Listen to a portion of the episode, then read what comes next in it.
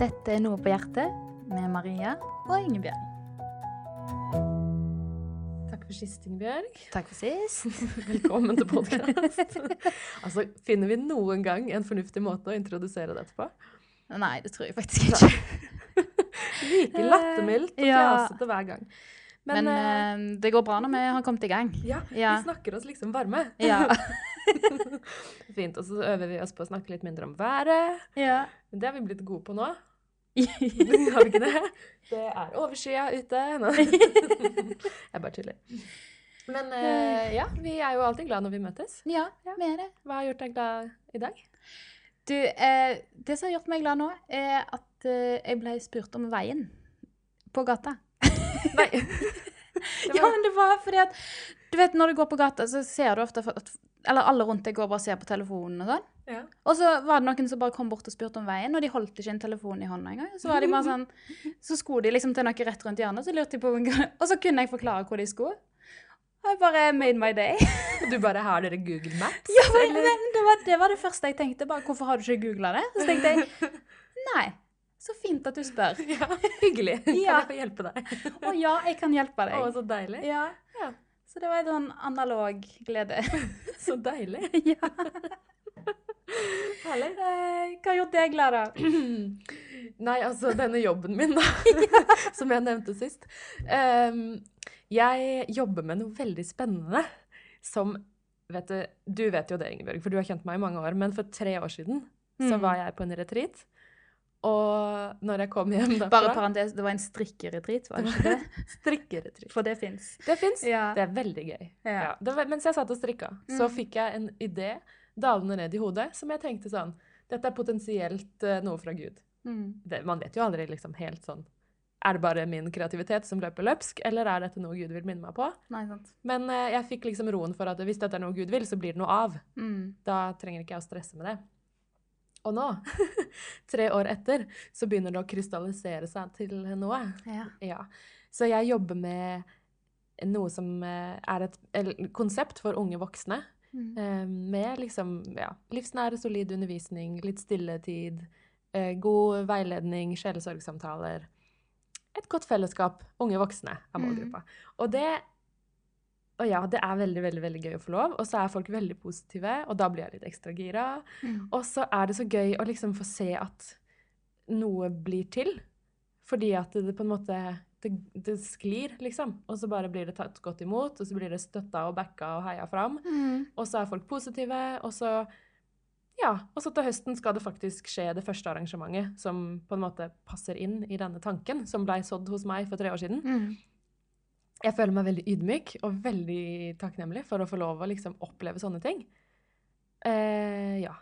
Så det, det har gjort meg veldig glad. Mm. Og så har det fått meg til å tenke litt videre. Så nå tror jeg vi bare tar en sånn smooth overgang til hva jeg har på hjertet. Ja, vær så god, Maria. Takk. Fordi eh, det er jo vår òg, da. Så liksom Alt rundt meg nå får meg jo til å tenke på nye ting, på en måte. Nytt liv, hvordan ting blir til. Og da tenker jeg på Gud som skaper. Mm. Og så merker jeg at jeg veldig fort kan tenke på at Gud skapte én gang. Mm. Men våren minner meg på at eh, det skjer skapelse på en måte på nytt og på nytt. da. Mm. Eh, eller at det er en kraft på en måte i skaperverket Mm. som gjør at det, nye ting vokser fram, og ja, plantene spirer og gror, og det blir grønt igjen, det som egentlig har vært dødt i vinter, liksom. Og, og så tenker jeg på i mitt eget liv, liksom, hvordan Gud skaper noe nytt, hvordan han har skapt eh, meg, og hvordan han har skapt mine behov og mine lengsler og mine drømmer. Eh, og hvordan han kunne skape den ideen i meg, fordi jeg Mm. tror jo den kom fra han, da. Um, og så bare minner det meg på at Gud er så stor, og at han er tilstedeværende, og at han, han vil noe med oss, da. Mm. Ja. At vi, vi er liksom ikke bare skapt og så plassert her og så forlatt, men han er her sammen med oss. Og så i forlengelsen av det, da, så min eh, sønn på fire, han er Mm. veldig opptatt av hvordan vi ble skapt. Å, ja. Og nå har han da fått forklart liksom hvordan i Bibelen så står det at Adam ble forma av jorda, og så blåste Gud liv inn i han. Det syns han er liksom det rareste bildet å se for seg, så han sitter og skrattler av det, liksom. så det, det, det lever veldig i vår eh, bevissthet om dagen, i familien, at uh, mennesket ble skapt på den måten. Ja. Også nå i forlengelsen av påske, så eh, leser vi jo om når Jesus kommer til disiplene etter han har stått opp igjen. Ja. Eh, og da står det at han puster på dem, og så får de Den hellige ånd. Ja. Og det er jo egentlig akkurat det samme som skjer når Gud puster liv i Adam. Og så er det så utrolig sterkt bilde da, på at eh, alt er gjenoppretta, da. Det vi egentlig var skapt til.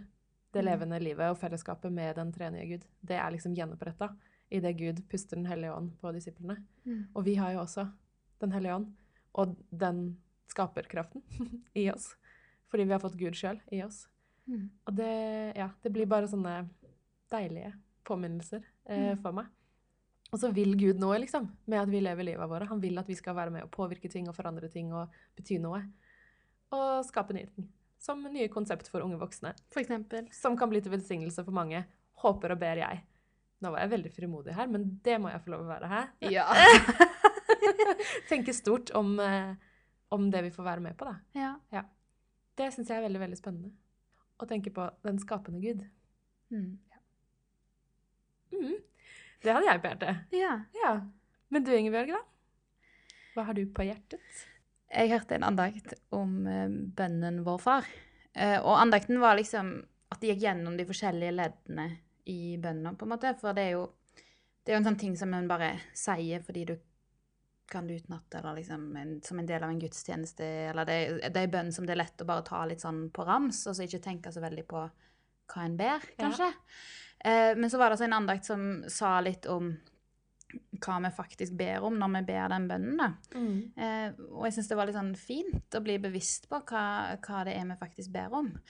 Og nå skal ikke jeg ta, gå gjennom hele den, for det kan dere gjøre på bibelgruppene deres. Eller eh, hvis du trenger en møteserie for en hel vår, så går det, har du jo temaoverskrifter for hver.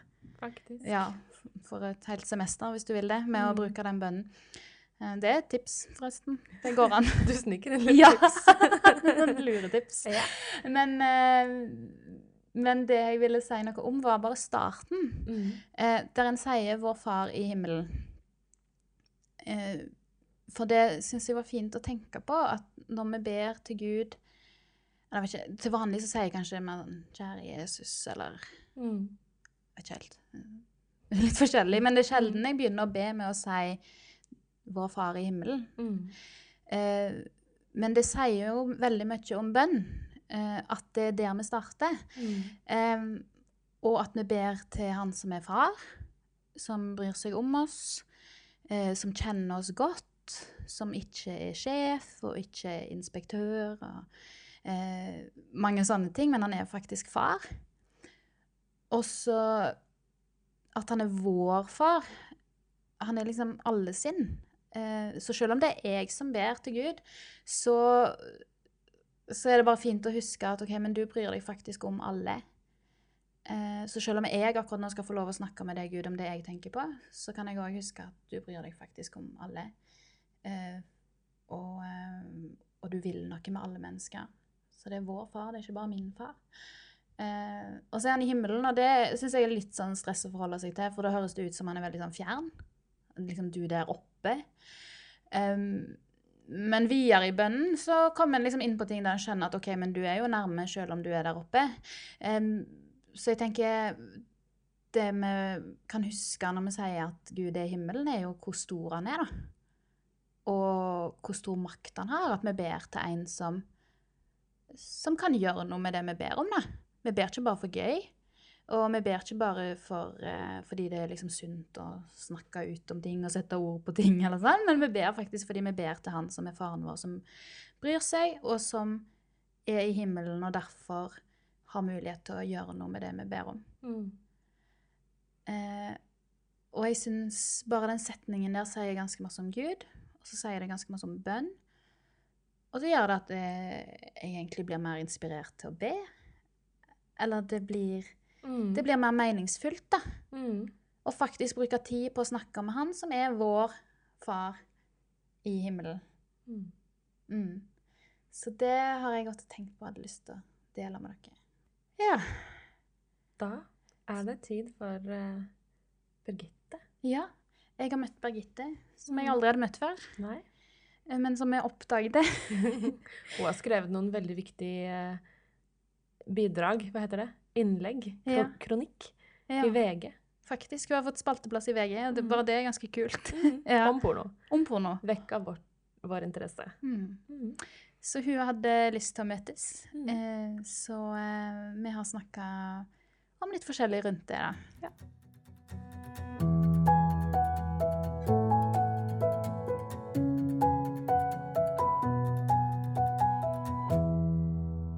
Nå sitter jeg her sammen med Birgitte Viste.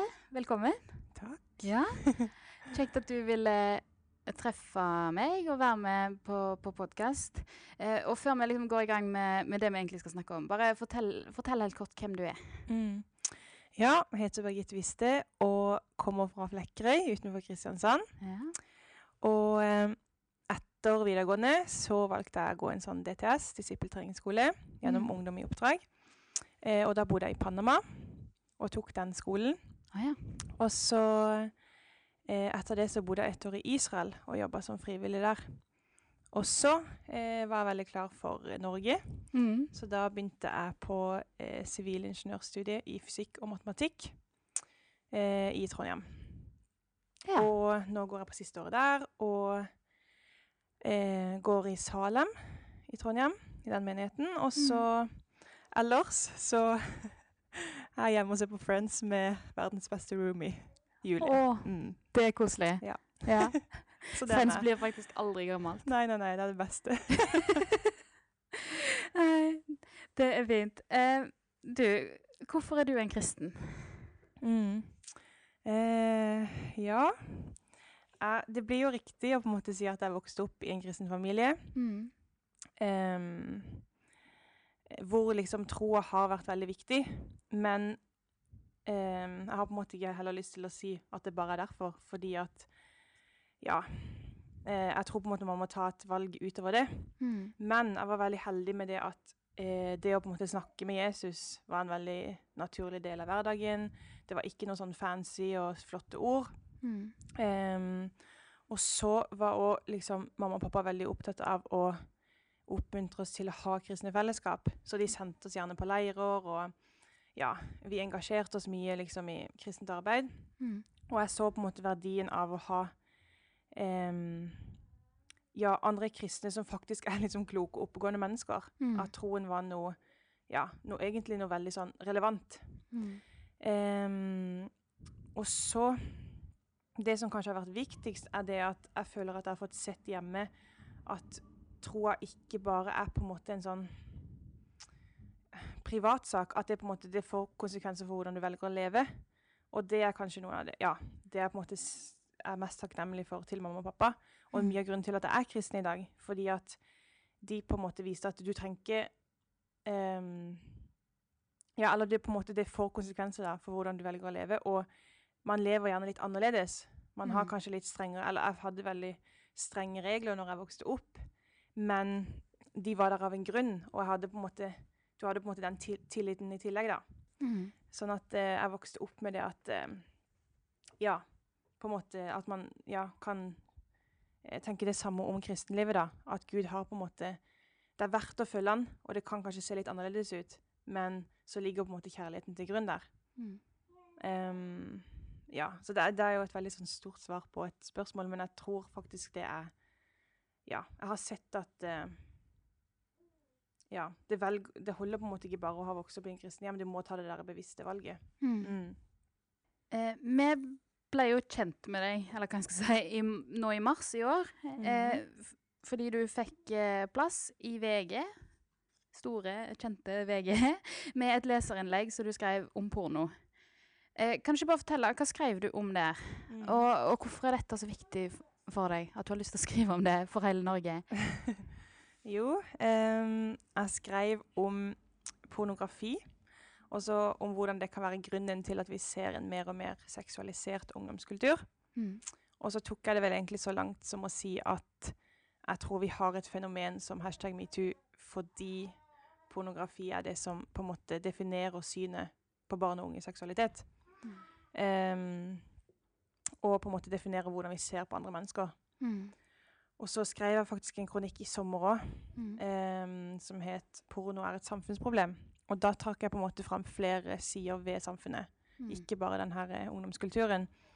Og det er jo på en måte derfor jeg Ja, derfor jeg på en måte kjemper denne kampen. Fordi at jeg tror at det påvirker samfunnet på så mange negative måter. Mm. Og så Hvorfor? eh, ja Når man liksom ser på en måte fenomener som sant, seksuell trakassering, kroppspress, skilsmisser, sexpress, dårlige selvbilder, Mm. eh, folk dropper ut fra skolen, festvoldtekter, menneskehandel, alle disse tingene. Eh, ødelagte relasjoner, og så har man det som heter pornoimpotens. Alt dette er på en måte et symptom, eller symptomer på et samfunn med tilgang på pornografi, Mm. tror jeg, da. Og så det verste er jo det at det, det påvirker liksom selvbildet til unge jenter og gutter. Mm. Og at de ikke føler seg gode nok. Mm. Pluss at det i tillegg ødelegger noe av det fineste som Gud har skapt, nemlig sex. Og ja. Så dette går jo på en måte mer inn på Offentlig så går jeg jo ut med disse altså symptomene som vi ser, men den på en måte grunnleggende grunnen til at jeg gidder å Mm. ta den kampen, er jo fordi at liksom eh, Det faktisk ødelegger hjerter og selvbilder, og det bryter ned enkeltmennesker, og liksom bare ødelegger hele verdien vi ble skapt med. Mm. Og så i tillegg ødelegger det det mest sårbare som finnes mellom mennesker. Mm. Og så med tanke på at det i tillegg er drivkraften bak menneskehandel, eh, som sier liksom OK, verdien til et menneske kan kjøpes og selges, eh, så angriper det liksom kjernen av det Gud skapte oss til å være. Eh, ja. Skapt i hans bilde med uendelig verdi, Mm. og skapt for sårbare og trygge relasjoner. Så det er liksom Det er jo hvorfor, da. Hvorfor Mm. jeg, ja. Mm. Da virker det jo som du har tenkt en del på dette her som handler om, eh, om pornografi. Og så lurer jeg på, Har du noe å si til de som hører på, som kanskje bruker porno aktivt? da? Eh, og har du noe å si til de som er rundt folk òg? Altså vi som skal veilede barn og ungdommer eh, og sette grenser for dem. Eh, i, en, I et samfunn der en møter den typen ting veldig ofte og veldig tidlig. Mm. Ja um, til, de som, til de som skal veilede barn og Mm. unge, så tenker jeg liksom få kunnskap om det, og så Mm. tørre å sette ord på det. Eh, og stille spørsmål til barna. Og så kommer du egentlig veldig an på hvilken setting det er i. Mm. Fordi i større grupper med litt eldre barn, eh, så tror jeg det faktisk handler om å legge fram eh, fakta. Altså 'dette gjør det med deg', sånn er potensielle skadevirkninger. Em, og at de på en måte tar et bevisst forhold til det for sin egen del. Mm. Um, og trekker inn på en måte menneskehandel og alle disse aspektene. Um, men så er det kanskje viktigst at de opplever at det er noe som kan snakkes om. Og at em, det oppmuntres til å snakke med, det, med voksne personer, men også med hverandre. Og hvis det er yngre barn, så tenker jeg at det er lurt å spørre de eh, liksom litt sånn har du, Om de har kommet borti det, har du sett noen bilder som kanskje var litt sånn skremmende, eller ja. Mm. Eh, og så snakke med de om hva gjør du hvis det skjer. Og eh, forberede de på at de kommer til å møte det, fordi det gjør de. Mm. Em, og det at du legger det fram som at OK, som voksen så har jeg lyst til å høre om dette. Jeg vil at du kommer til meg hvis du møter på det. Og det gjelder også når liksom, det er dine egne barn. Snakk med barna og still spørsmål. Og bygg liksom opp en tillit hvor de vet at de kan komme og snakke om sånne ting. Mm. Og så et tips er Vi skrev et sånt politisk notat i fjor når jeg gikk et sånt lederkurs i Oslo. Mm. Eh, der vi skriver om hvordan det påvirker barn og unge. Og da har vi òg med liksom eget kapittel med hvordan, snak, hvordan tar du pornopraten i hjemmet. Ja. Eh, ja, og der nevner vi bl.a. en bok til Alexis Lund og Chris jeg vet ikke hvordan jeg sier etternavnet, Duve, som har gitt ut en bok som heter 'Klikk her, Thomas'. ja. Og der er det masse ressurser på liksom, hvordan, hva gjør du når barnet ditt sier at de har eh, sett pornografi, eller hvis de ikke har gjort det, hvordan snakker du med de? Kjempebra. Mm. Så det er bok for barn. Det er en bok for barn, ja, men det er liksom ment at du skal lese det sammen med barnet. Ja. Så fra, egentlig fra du er ganske ung. Ja. Og så, med tanke på de som bruker porno aktivt, så må jeg først si det at det er et kjempestort problem. Eller det er liksom, det er mange som, det er mange som sliter med dette, både Mm. gutter og jenter.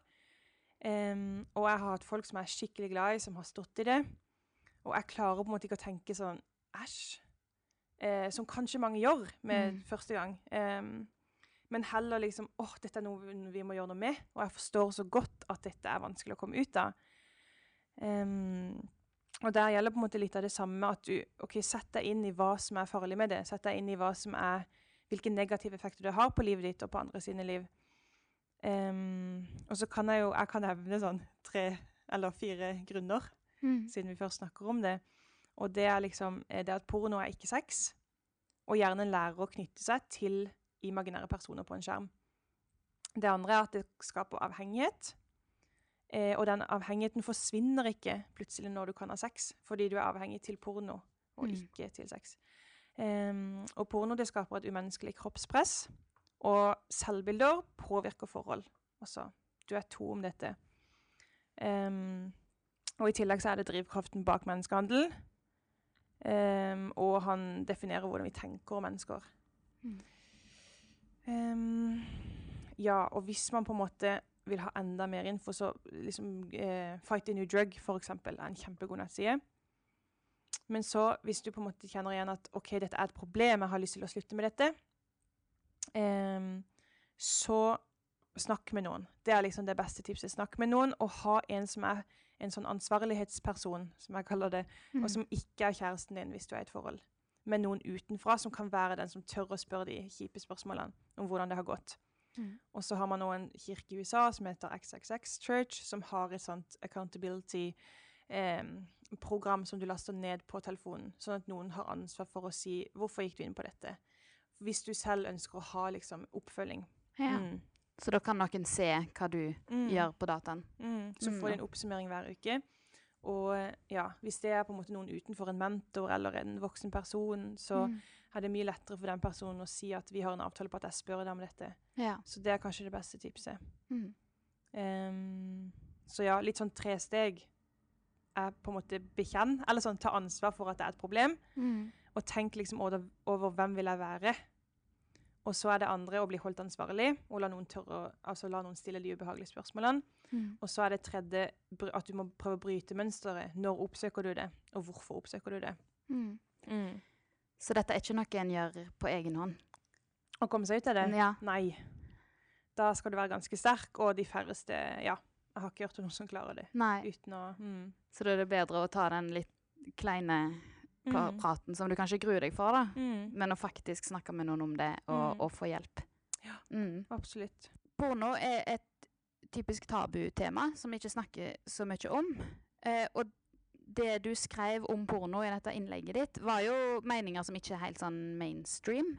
Um, hvordan gikk det etter at dette innlegget ble publisert? Eh, kan du si noe om ja, Hva respons fikk du, og, og hva sitter du igjen med på en måte nå en, en stund etterpå? Mm. Em, det er jo noen mennesker som på en måte bare er ute etter å slenge dritt. Ja. Og ja, så jeg har faktisk ikke lest kommentarfeltet på VG. Nei, det er kanskje like at, greit. eh, ja. Mm. Uh, men utover det så har jeg faktisk ikke fått noe negativt direkte til meg. Mm. Um, og det syns jeg faktisk er litt sånn på en måte motiverende, fordi det sier noe om at folk kanskje ikke sitter på veldig gode argumenter, Mm. og ikke Ja. Men så er det jo på en måte Det viser jo i tillegg at det engasjerer folk. Det er noe som rører noe ved folk. At folk reagerer. Um, ja. Men det fineste i etterkant har vært det at folk har tatt seg tid til å skrive mailer og meldinger og bare takke for at jeg tør å ha en stemme i den saken. Og Mm. faktisk opplevd at um, en som tok kontakt og sa jeg skulle så gjerne vært en stemme selv, men jeg står i det nå, og derfor kan jeg ikke gå ut, og, eller har ikke lyst til å gå ut offentlig. Og da bare få lov til å være den stemmen, eh, og vite at så mange er takknemlige for det, det er bare helt, ja, skikkelig fint. Mm. Motiverende òg. Mm. Så bra. Eh, men hva er det som gjør at du tør å hive deg ut i offentlig debatt på den måten? Det er jo ganske tøft gjort. Ja. ja. ja. Uh, ja, litt sånn som jeg sa i starten. Det her med at jeg har vokst opp eh, og sett at det går fint å være annerledes. Eh, mamma og pappa har vært veldig sånn på at ja, litt det her med å sette strenge grenser. Eh, du får automatisk ikke lov til å være som alle andre ikke er lov til. Men ja, det her med at, men så blir det tatt godt imot. Du ser at det på en måte er en positiv ting. Eh, og jeg har på en måte lært meg at annerledes trenger ikke å være noe negativt. Mm. Så det er faktisk litt sånn Jeg tror faktisk det har mye å si. Fordi at eh, Ja. Eh, jeg har sett at OK, jeg tar noen andre valg, men jeg har sett at det på en måte skaper en opp, eh, sånn nysgjerrighet hos folk. Mm. At det er en form for Ja, det vekker oppmerksomheten hos folk. Um, og Ja.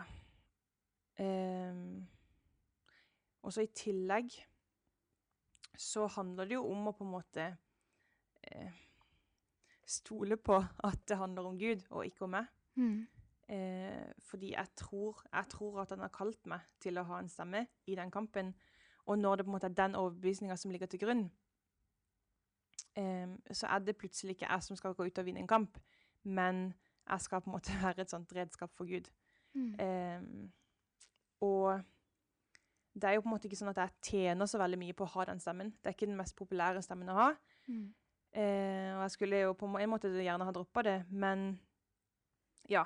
Den der, altså Hva skal man si? Frykten for å ikke bli likt er på en måte ikke Den veier ikke like tungt som det her med å være med på å faktisk fortelle verden en bedre historie om hva de var skapt til å være.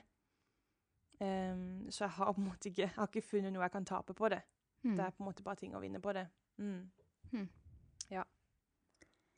Eh, Dette er jo en sånn type sak der det går an å diskutere det veldig lenge, egentlig uten å nevne Gud. sant? Altså det, Mm.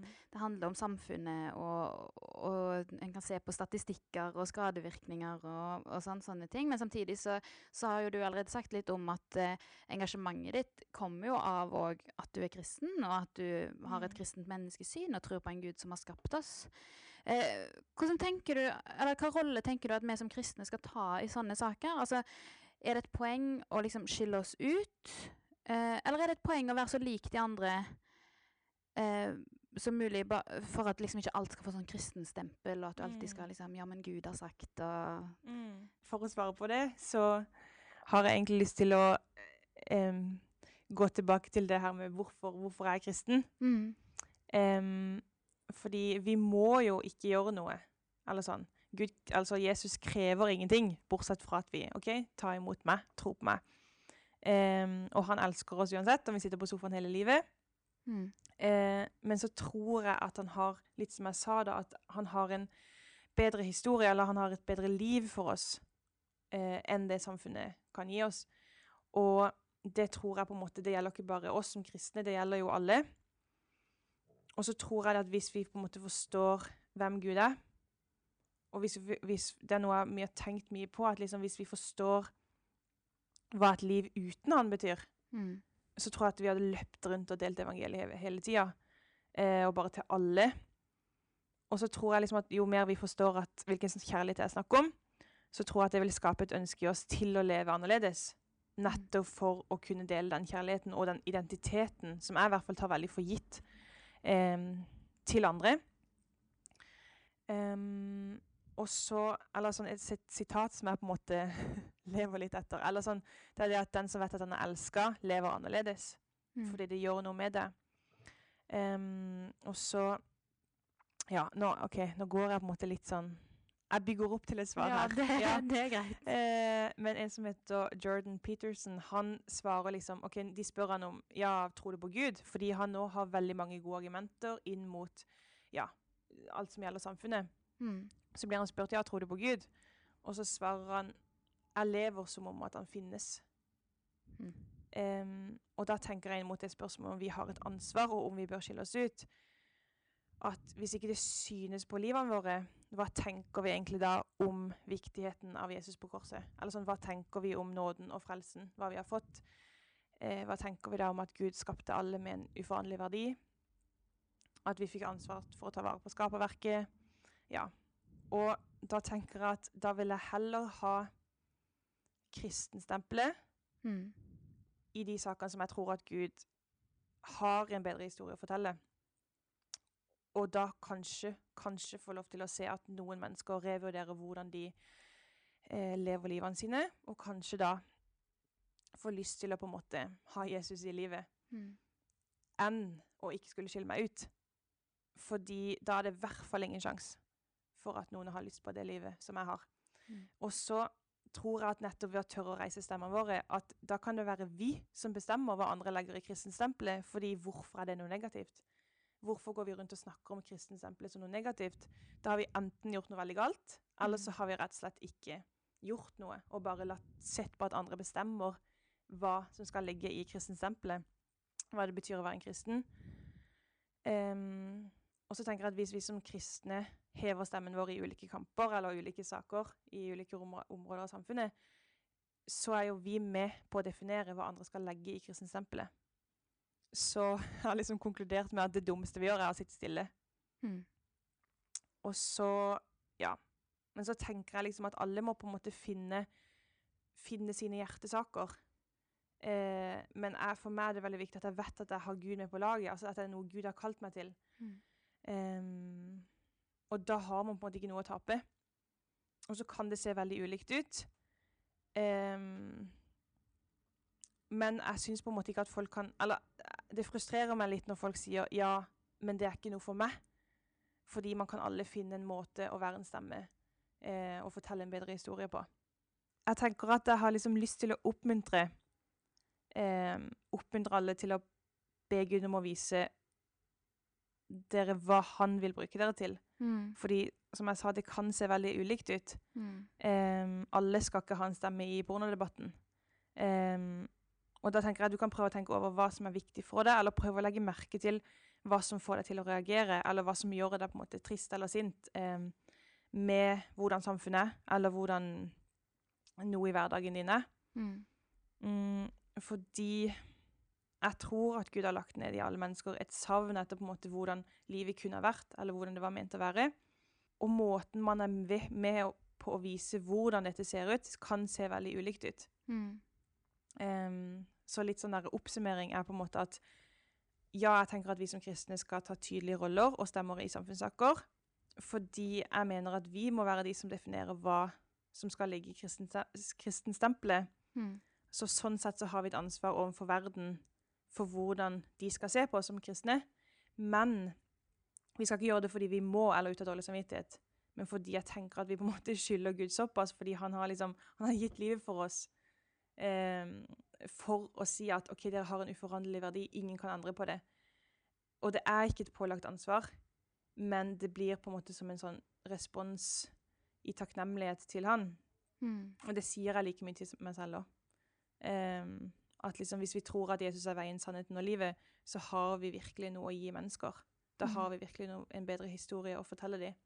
Og det ser veldig ulikt ut. Mm. Mm. Har du noen tips da, til alle oss andre som har lyst til å engasjere seg for noe?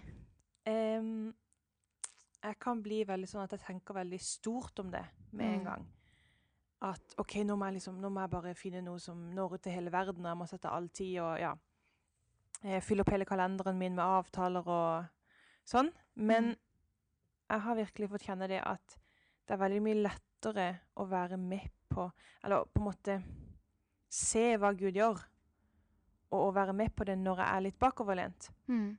Um, og det betyr ikke å legge fra seg engasjementet, men, um, men å ta seg tid til å bare være med Gud. Uh, og hvile har blitt veldig viktig for meg. Mm. Um, for det å ikke ha en full kalender gjør at jeg har de her små tidsrommene i løpet av uka til å ja, for det første henge med på hva som skjer i samfunnet. Og da òg ha muligheten til å hive meg over det når det skjer. Mm. Så for eksempel med denne kronikken. Den skrev jeg Jeg var på vei hjem fra skolen, eh, og så fikk jeg liksom noen tanker rundt eh, et innlegg som de tre jentene her hadde skrevet i Aftenposten. Og så tenkte jeg vet du hva, det, det må jeg svare på. Så Mm. gikk innom en kafé, satte meg ned, og så skrev jeg den kronikken. Og det hadde jeg aldri hatt tid til før, fordi jeg har alltid hatt veldig fullt opplegg. Um, ja. Og i tillegg så har jeg Altså, bønnen min i mange år har vært det her Gud, bruk meg. Mm. Um, og når jeg da har på en måte lagt meg litt bakpå, så, så har jeg fått lov til å se at Gud på en måte legger til rette for det. Ehm, at det er måte det er han som kjemper kampen, og nå føler jeg virkelig at jeg er med på det han vil gjøre Mm. i Norge i dag. Store ord, men ja, jeg føler virkelig det. Og da blir det ikke et strev som sliter meg ut, men et engasjement som både gir meg selv, men òg resten av verden noe mer, tenker jeg. Mm. Så litt sånn oppsummert, da. Um, så er det liksom nummer én tørre å be den bønnen Gud bruk meg. Hva vil du bruke til, meg til? å på en måte åpne opp for at han kan bruke det. Og da tenker jeg nummer to prioriter hvilen. Prioriter å ha en rytme som er ja, som gir rom for hvile i hverdagen. Og nummer tre ha gode relasjoner rundt deg. Ha noen å stå sammen med. Eh, noen som backer, og òg ha noen som er tett på livet ditt. Mm. Og så siste, nummer fire. Grip mulighetene som oppstår. Eh, du, har, ja, du har Gud på laget og har egentlig ingenting å tape. Så tør å hive deg utpå. Mm, rett og slett. Men eh, hva handler neste leserinnlegg om, da? Um, det blir nok uh, porno, kjenner jeg meg selv rett. Men uh, vi får se. ja. Kanskje du får en idé på toget i dag. Mm. um, siste spørsmål. Hva betyr Jesus for deg akkurat i dag? Ja, um, jeg trenger Jesus. Virkelig. Mm. fordi hvis Gud vil ha noe med meg å gjøre, så trenger jeg nåden. Og jeg tør ikke å stille opp der uten Jesus. Eh, så han Ja, det betyr trygghet. Og det tar jeg nok litt for gitt, men jeg vet på en måte i, i bunnen av hjertet mitt at ingenting kan endre på verdien min. Um, og at liksom OK, Jesus er den som setter verdien på meg, og det gjorde han på korset. Og så tror jeg at det gir meg en frihet til å tørre å velge annerledes. Mm. Mm, ja, og så trenger han fordi at jeg ikke har godt av å leve for meg selv. Eh, jeg kan bli høy på meg selv og overlegen når jeg mestrer ting. Mm. Og hvis jeg da kan klare å tenke om at OK, dette handler om Jesus, det handler ikke om meg, hvis det er fokuset mitt, så liker jeg den personen jeg er, mye bedre. Eh, og jeg tror Jeg har ikke godt av, og jeg tror egentlig ingen har godt av å på en måte leve for seg selv og sitt eget. Um, ja, jeg tror egentlig at vi har et bedre liv om vi tør å leve for noe større, og tør å leve for Gud og det han har lyst til å bruke oss til i dag. Langt svar, men ja. Mm. Mm. Spennende. du, eh, takk at du hadde lyst til å eh, eh være med og fortelle om det du er opptatt av. Mm. Veldig gøy å være her. Ja, ja. Så det dette er spennende, og jeg håper folk eh, kan bli inspirert til å engasjere seg for forskjellige ting. Mm. Mm. Så eh, takk for tida, og takk for praten.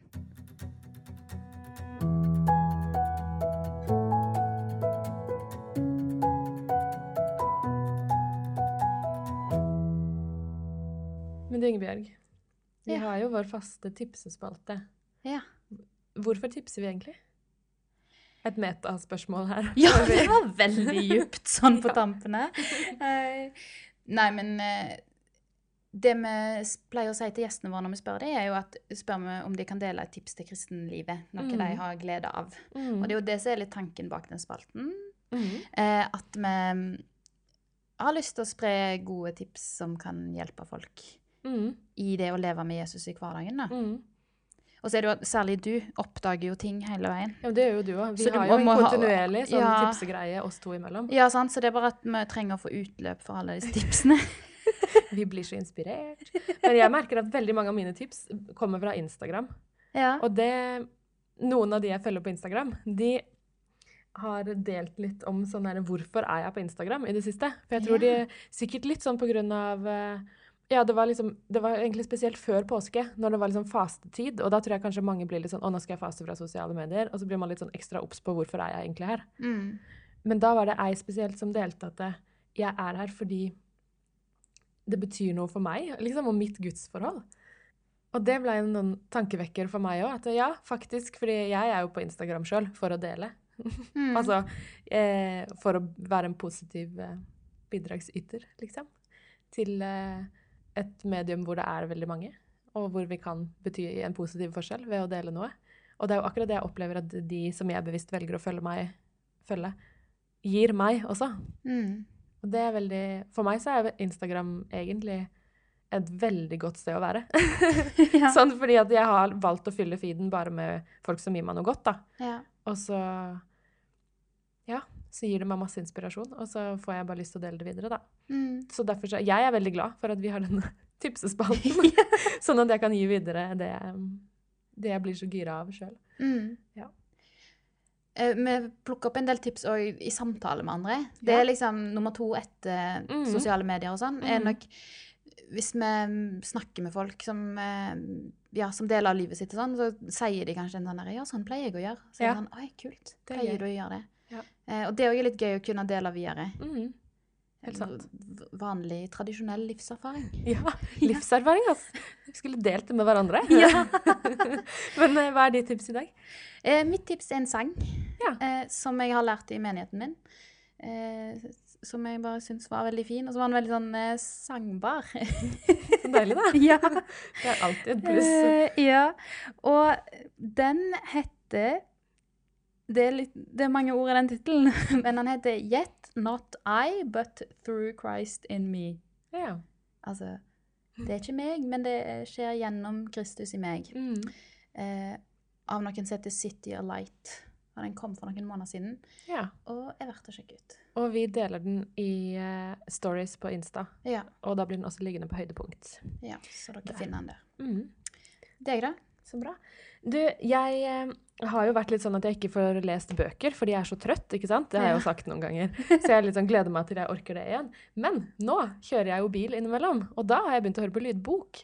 Genialt. Jeg veit det. Så nå har jeg endelig lest den boka som du er så glad i, Ja. som eh, heter 'Free of Me' av Ja. Sharon Miller. Og altså, det er jo ikke et helt nytt budskap for meg at det er veldig viktig tematikk, men hun traff meg bare veldig, veldig, veldig i livet mitt. I vår kultur, da, hvor vi er satt til å designe oss sjøl, egentlig, og definere oss sjøl og skape vår egen identitet, og vi har alle muligheter i hele verden, og ingenting står fast, Mm. så blir vi sjøl sentrum i livet våre. Og uten, uten Jesus, liksom, så blir jeg Gud da, i mitt eget liv. Mm. Og en Gud som ikke når opp til mine egne standarder, på en måte. Mm. Så det tenker jeg er en veldig frigjørende del av det vi tror på.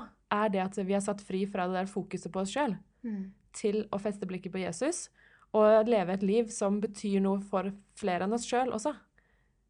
Og det var bare så deilig å lese i den boka, for det er så godt forankra, og det er så godt formidla. Mm. Free of Me, Sharon Miller. Les den, eller hør den på lydbok. Ja. Begge deler funka veldig bra. Ja. Ja. Gøy. Mm. Og Birgitte hadde et tips. Eh, Jeg er veldig glad i å lese, og det fins så veldig mange gode bøker. Og min favoritt er Magnus Malm. Han skriver en bok som heter 'Som om Gud ikke finnes', og en som heter 'Veivisere'. Men et absolutt must, som jeg tenker alle har godt av å lese, det er Thomas Sjødin, som skriver en bok om hvilen, og den heter 'Mens du hviler'. Mm. Og så eh, en bok til, bare siden jeg var eh, Veldig godt tips er òg 'Your God Is Too Safe' av Mark Buchanan, eller noe sånt. Mm. Så de fire. Men da er det tid for å runde av. Mm. Eh, men det er ikke lenge til det kommer en ny episode. Nei, vi er jo inne i sånn hver tredje uke-tralten nå, da. Mm. Ja, det er deilig. Det er digg. Forutsigbart. Rutiner, altså. Men hva skjer om tre uker da, Ingebjørg? Da er det 17. mai. Philip sin første. Wow. Det blir gøy. Ja. Og vi skal feire det med en episode yeah. av Noe på hjertet. Jeg gleder meg til å sitte her med flagg og ta opp. Ja, Presse det inn mellom toget og Ja. pølsene. Kanskje vi skal ha livesending 17. mai. Not. Men eh, Nei. vi skal legge ut en ny episode. Vi skal legge den ut på 17. mai. ja. Så du skal sitte og redigere den på 16. Ja, på kvelden. det er den beste måten å Ja, mai mens du stryker sk- bunadsskjorte. Ja. ja. Jeg har strykefri bunadsskjorte. Best Ah. decision ever. Amazing. Ja. Å, nå kommer Henrik igjen. Ja. Passa jo helt perfekt. Da Da sier får vi vi avslutte det. ja. Ja. ha det. Ha det.